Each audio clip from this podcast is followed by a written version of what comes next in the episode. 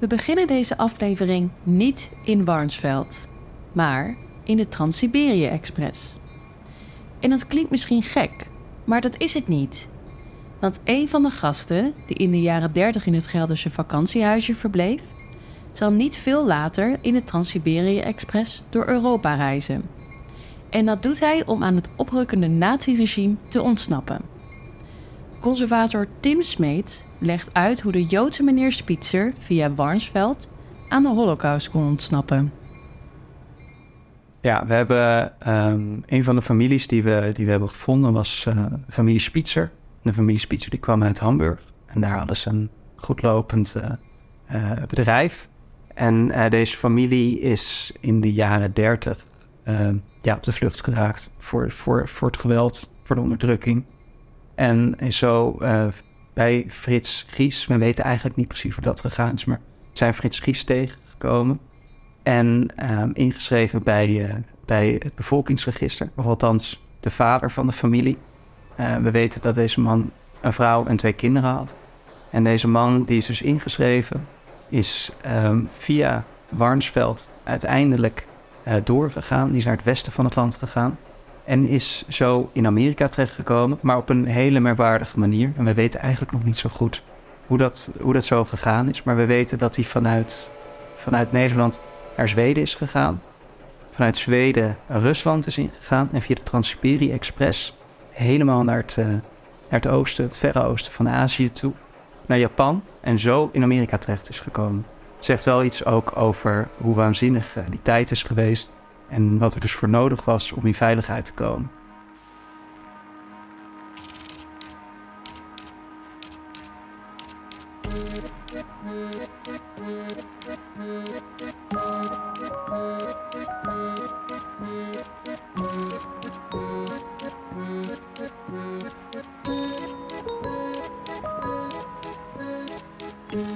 Je luistert naar Als muren konden praten een podcast van het Nederlands Openluchtmuseum in Arnhem.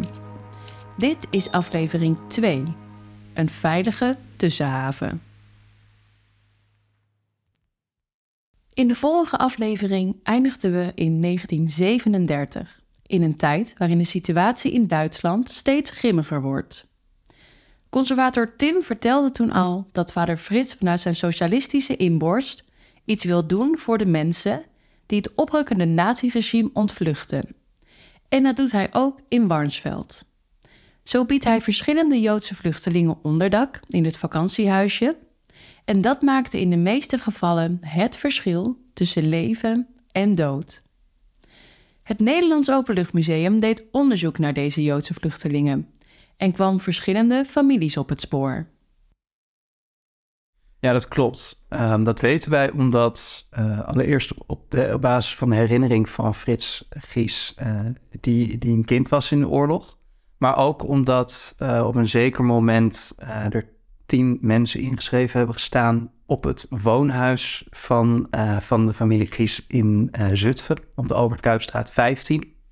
En, en wij weten dat, het, dat die mensen niet allemaal daar hebben gezeten. Dus die zullen ook in uh, de vakantiewoning tijd hebben doorgebracht. En uh, vermoedelijk ging dat van ongeveer een enkele dagen tot enkele weken hebben ze in de vakantiewoning gezeten. En weet jij ook wie dat zijn? Welke mensen uh, in de vakantiewoning hebben verbleven? Ja, we hebben twee families waarvan we het eigenlijk vrij zeker weten dat ze er gezeten moeten hebben. En die twee families hebben ook geprobeerd hun sporen na te lopen, dus om te kijken van hoe zijn ze in Nederland terechtgekomen. En uh, hoe zijn ze uh, verder gegaan, dus na, na Warnsveld. En het interessante is dus eigenlijk dat uh, voor deze mensen Warnsveld echt een schakel is geweest in hun vlucht. een vlucht die soms succesvol was, bij een van de families overigens niet. Um, en is dus wel echt een plek geweest waar mensen vanaf de grens um, voor, voor, voor een periode in betrekkelijke veiligheid hebben gezeten. Om meer te weten te komen over Joodse vluchtelingen die vanuit Duitsland naar Nederland kwamen, ga ik naar Amsterdam, naar het NIOD. Hi, goedemorgen. Ik heb een uh, afspraak met Afke Berger. Ja, oké. Okay. Ik ga even bellen voor je. Oké, okay, dankjewel. Okay. Daar spreek ik met historicus Afke Berger. Uh, ik ben Afke Berger en ik uh, ben historicus. En ik heb veel onderzoek gedaan, vooral naar de uh, vluchtelingen of de mensen die in de jaren 30 vanuit Duitsland en Oostenrijk naar Nederland wilden komen. een deel lukte het, maar een groot deel slaagde daar niet in. Ja, want je hebt het over vluchtelingen die in de jaren 30 naar Nederland kwamen vanuit Duitsland. Wat voor mensen waren dat? Dat is, uh, daar is niet een heel simpel één zin, uh, een, uh, geen simpel antwoord op te geven dat één zin lang is. Um, sowieso op het moment dat Adolf Hitler aan de macht kwam, had je verschillende groepen die in de verdrukking kwamen. Dus het ging om Joden, maar het ging ook om communisten, socialisten. Eigenlijk alles wat niet paste binnen het, ja, het volksideaal van, van de nazi's. Um, en je ziet een beetje golfbewegingen. Aan het begin, um, in 1933, zijn het vooral veel communisten uh, en Joden die vluchten. Het een sluit het ander niet uit, dus er waren ook veel Joodse communisten. Um, en als je kijkt naar um, welke mensen het dan zijn, zijn het vooral de mensen met bepaalde beroepen. Bijvoorbeeld vanaf 33 werd het uh, artsen en advocaten en studenten al heel moeilijk gemaakt om door te gaan met wat ze deden. Dus dat waren de mensen die eerder vluchten. Het waren ook veelal meer jonge mannen die vluchten. En later, je hebt dan een paar momenten ook in de geschiedenis van de ja, jodenvervolging in Duitsland, die een beetje markeerpunten zijn. Dus je hebt in 35 werden de Nurembergse wetten geïntroduceerd. Dus toen werd bepaald wie is er Joods, wie is er niet Joods. Want daar waren ze, de nazi's zelf ook niet, uh, daar is gewoon geen simpel antwoord op. Maar dat zorgde voor uh, nog weer een klein, um, kleine push eigenlijk van vluchtelingen naar Nederland. Um, je hebt in 1938 de Anschluss, dus dat betekent Oostenrijk werd ingelijfd door, um, of sloot zich aan bij uh, uh, Duitsland. de Joden uit Wenen probeerden toen in grote getalen weg te komen. En de allergrootste push en als, is geweest, en als je kijkt naar de, als je er grafieken van maakt, zie je ook een enorme piek op dat moment. Um, dat is na de Kristalnacht. Alleen het hele tragische van het verhaal is, is dat in 1938. De Kristalnacht vindt plaats uh, in november, op 9 november 1938. Op dat moment zijn eigenlijk alle grenzen in Europa al dicht. Dus een hele grote groep mensen wil weg. Het gaat om tienduizenden mensen. Um, en uh, maar heel weinig mensen komen weg. Naar welke landen wijken zij dan uit? Ook dat verschilt uh, door de jaren heen. Aan het begin zie je heel erg dat mensen naar buurlanden gaan. Ook uh, met het idee dat je het is dichtbij. Je kan ook makkelijk terug. Je ziet ook heel veel mensen die zich bijvoorbeeld vestigen, laten we zeggen hier in Amsterdam, dat ze af en toe teruggaan naar uh, familieleden in, uh, in Duitsland. Um, en dat zijn dan ook de populaire landen. En um, naarmate de, eigenlijk de dreiging in Duitsland groter wordt, zie je dat verder weggelegen landen eigenlijk populairder worden. Uh, alleen dat, daarmee is niet gezegd dat je daar gemakkelijk komt. Amerika had bijvoorbeeld, was een populair land, alleen had een heel restrictief beleid. Dus je kwam daar heel moeilijk binnen. Dus qua populariteit was het groot, alleen qua aankomst, qua hoeveelheden mensen die daar binnenkwamen, uh, was het nog relatief laag. Palestina is door de jaren heen altijd een um, plek geweest waar mensen naartoe gingen. Um, wil niet zeggen dat iedereen zionistisch was, dus echt het ideaal had om in een Joodse staat te wonen. Alleen um, naarmate de tijd vorderde, werd ja, en dat het idee van, oh, misschien moeten we wel in een eigen staat gaan leven, uh, werd groter. Plus, als andere landen je niet willen, dan is dat misschien de beste oplossing. Um, en je ziet zeker naarmate, nou, eh, ten tijde van de kristalnacht, zijn het echt zo ver mogelijk dat is wat mensen willen. Dus dan zie je de landen in Zuid-Amerika. Uh, Shanghai is een uitvalsbasis. Um, is in Nederland wat minder over bekend. Um, en dan zijn dichtbij wonen is dan eigenlijk ook een gevaar. Want ja, het is niet gezegd dat Duitsland, Nederland of Frankrijk niet zal binnenvallen. En als we het hebben over de Joodse vluchtelingen die naar Nederland gingen, over hoeveel mensen hebben we het dan?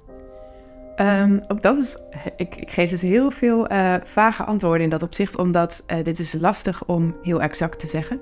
De exacte cijfers zijn, uh, kom je neer, komt uiteindelijk over de hele jaren 30 neer op zo'n 14.000 mensen. Alleen er zijn veel mensen illegaal binnengekomen en veel mensen ehm, bleven niet in Nederland. Dus voor sommige mensen was naar Nederland komen enkel voor een paar weken en dan trokken ze verder. En sommigen hadden het geluk dat ze daarmee dat ze een plek op de boot naar Amerika bijvoorbeeld hadden bemachtigd. Dus ehm, en bovendien, er is ook nog weer een groep die in begin, dus laten we zeggen in 1933 naar Nederland kwam en in 35 weer terugverhuisde naar Duitsland. Dus je hebt, dus, um, maar laten we zeggen dat het grofweg, zou ik zeggen, 15.000, 16.000 mensen. En, maar je hebt een hele, dus er is een hele range van uh, onzekerheid bij. Dus het kan zo een paar duizend meer zijn. En hoe ging Nederland om met die duizenden vluchtelingen? Um, nou, we hebben het over de jaren 30. Ehm, zoals voor de meesten wel bekend is, is dat uh, een periode waarin het in Nederland niet heel erg goed ging, economisch gezien ook. Um, de crisisjaren waren het hoge werkloosheid, um, woningnood uh, was ook een groot probleem. En over het algemeen zaten mensen ook niet per se te wachten op uh, vluchtelingen. in in 1933 en begin 34 was het voor ehm, mensen vanuit Duitsland relatief makkelijk om naar Nederland te komen. Ze, hoefden, ze konden eigenlijk gewoon veel geld en spullen meenemen, of in ieder geval wat ze wilden meenemen. En um, qua uh, registratie ging het ook nog makkelijk, maar vanaf halverwege 34 werd het veel uh, strikter allemaal. En um, werden er steeds meer blokkades eigenlijk opgeworpen. Het is ook zo. Nou, ze, eh, als ik even doorga in de tijd, vanaf 37 werden, uh, werd door de minister zelfs gezegd dat. Uh, correctie, vanaf 38 werd gezegd door de minister van Justitie dat vluchtelingen in feite ongewenste elementen waren. Um, en een groot deel van de vluchtelingen die naar Nederland kwam, van de Joodse vluchtelingen die naar Nederland kwam, was uiteindelijk afhankelijk ook van een of andere vorm van steun. En als we kijken naar de familie Gries, zij hebben dus ook vluchtelingen ondergebracht in hun vakantiehuisje. Gebeurde dat vaker dat er dat soort particulieren waren die uh, ja, misschien vakantiehuisjes of extra kamers uh, ter beschikking stelden aan Joodse vluchtelingen?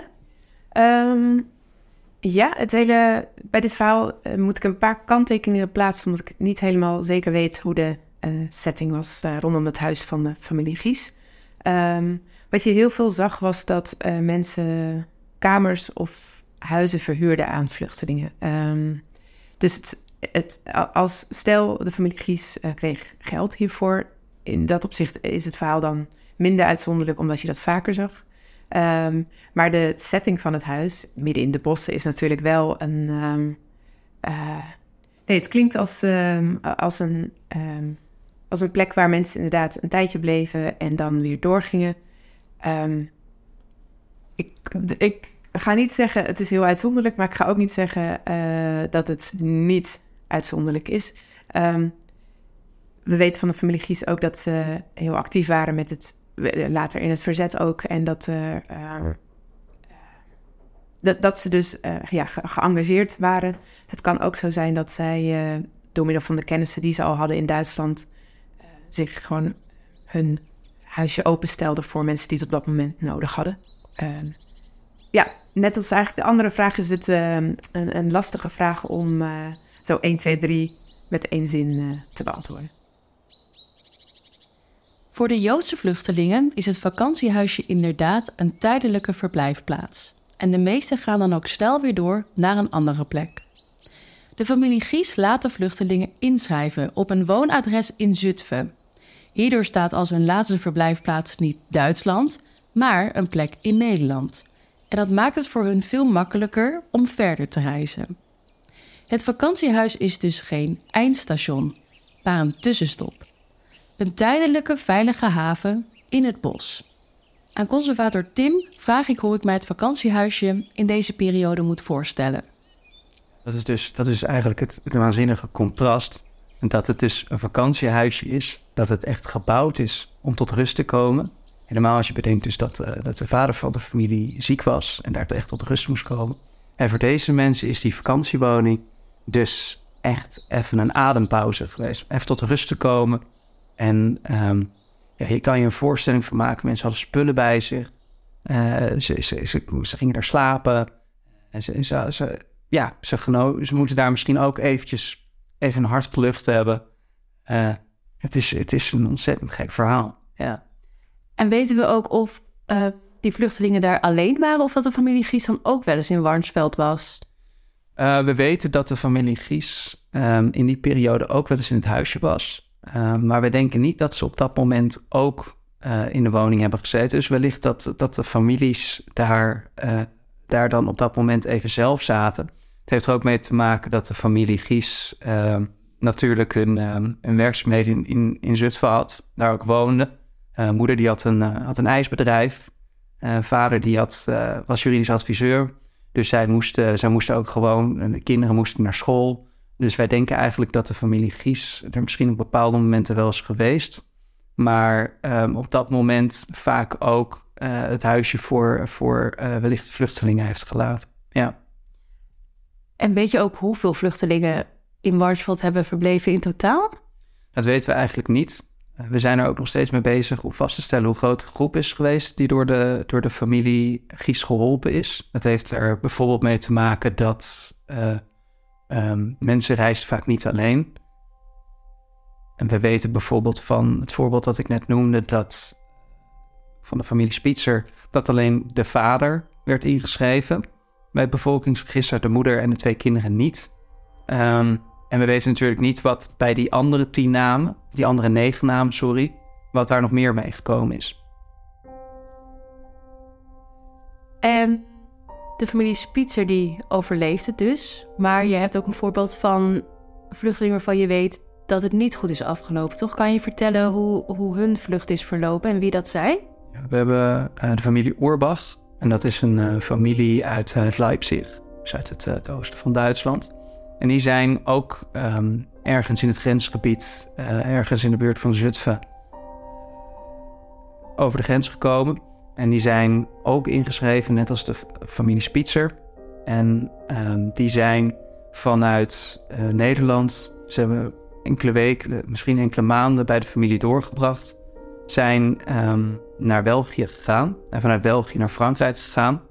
En het merkwaardige is dat we van het gezin Oerbach uh, weten we dat de dochter het wel overleeft. Die is in Australië terechtgekomen. En de twee ouders die zijn gedeporteerd naar Auschwitz en die hebben de oorlog niet overleefd. Alleen um, het lastige aan dit soort verhalen is dat je, dat je sec wel kunt vinden wat er gebeurd is. Dus hoe het afgelopen is. Dus bijvoorbeeld de deportatie. En bijvoorbeeld dat de dochter in veiligheid is gekomen naar Australië is gegaan. Hoe dat precies is gegaan, met hoeveel mensen ze waren, hoe ze zich gevoeld hebben natuurlijk.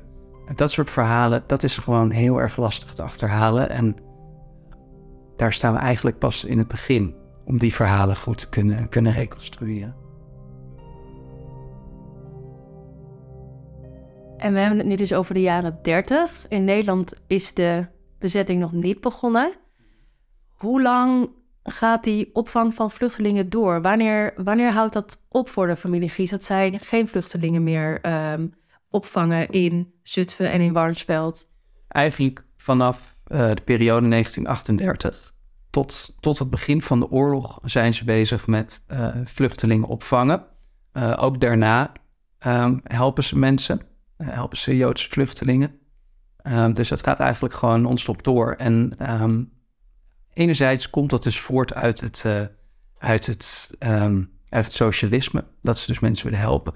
Maar anderzijds is het ook zo, er zit gewoon een heel diep plichtsbesef bij de familie. Ze willen mensen helpen, het is heel vanzelfsprekend.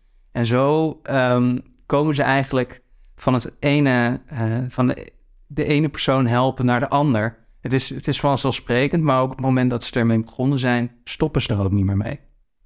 Maar ik kan me wel voorstellen dat die opvang van die vluchtelingen in de jaren 30 wel heel anders is dan in de jaren 40, als Nederland al wel bezet is door Duitsland. Kan je daar iets over vertellen? Ja, absoluut. Um, allereerst over de Tweede Wereldoorlog. Het wordt, het wordt natuurlijk steeds erger met wat, uh, wat, wat de Joden wordt aangedaan. Maar daarvoor is het ook heel erg moeilijk. En, en dat is eigenlijk een onderbelicht stukje geschiedenis. En wat ik daarmee bedoel te zeggen is dat eh, Nederland voor eh, de bezetting ook al eigenlijk een ontzettend onvriendelijk vluchtelingenbeleid voert. En eh, de vluchtelingen, de Joodse vluchtelingen, dus als onwelkom verklaard, als illegaal verklaard. En dat is ook een verhaal dat wij heel belangrijk vinden om te vertellen. Want de Joodse vluchtelingen die voor de oorlog uit Duitsland kwamen, werden dus helemaal niet met open armen ontvangen. Wel door bijvoorbeeld de familie Gies, maar absoluut niet door de Nederlandse overheid.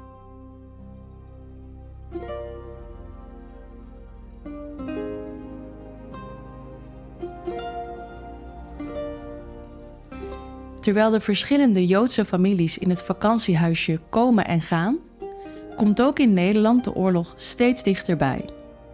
En daar zal de familie Gies in Warnsveld de gevolgen zwaar van ondervinden. In de meidagen van 1940, vlak voor het begin van de Duitse bezetting in Nederland, wordt er namelijk zwaar gevochten in Zutphen. En de familie Gies vlucht voor het geweld naar het vakantiehuisje. En ik hoorde met mijn moeder, ook dat is, vergeet je nooit. Anneke en Fritsje, opstaan. Het is oorlog. En het woord oorlog, dat was bang. Knal gewoon. Alsof een kanon werd afgeschoten. En toen begon de oorlog.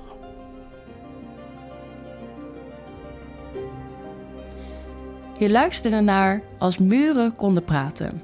Een podcast van het Nederlands Openluchtmuseum. Wil je het vakantiehuisje uit deze serie met eigen ogen zien? Het huisje uit Warsveld is vanaf nu te bezoeken in het Nederlands Openluchtmuseum in Arnhem. Maar wil je eerst weten hoe het verhaal verder gaat? Abonneer je dan op deze podcast. Dan weet je direct wanneer er een nieuwe aflevering online komt.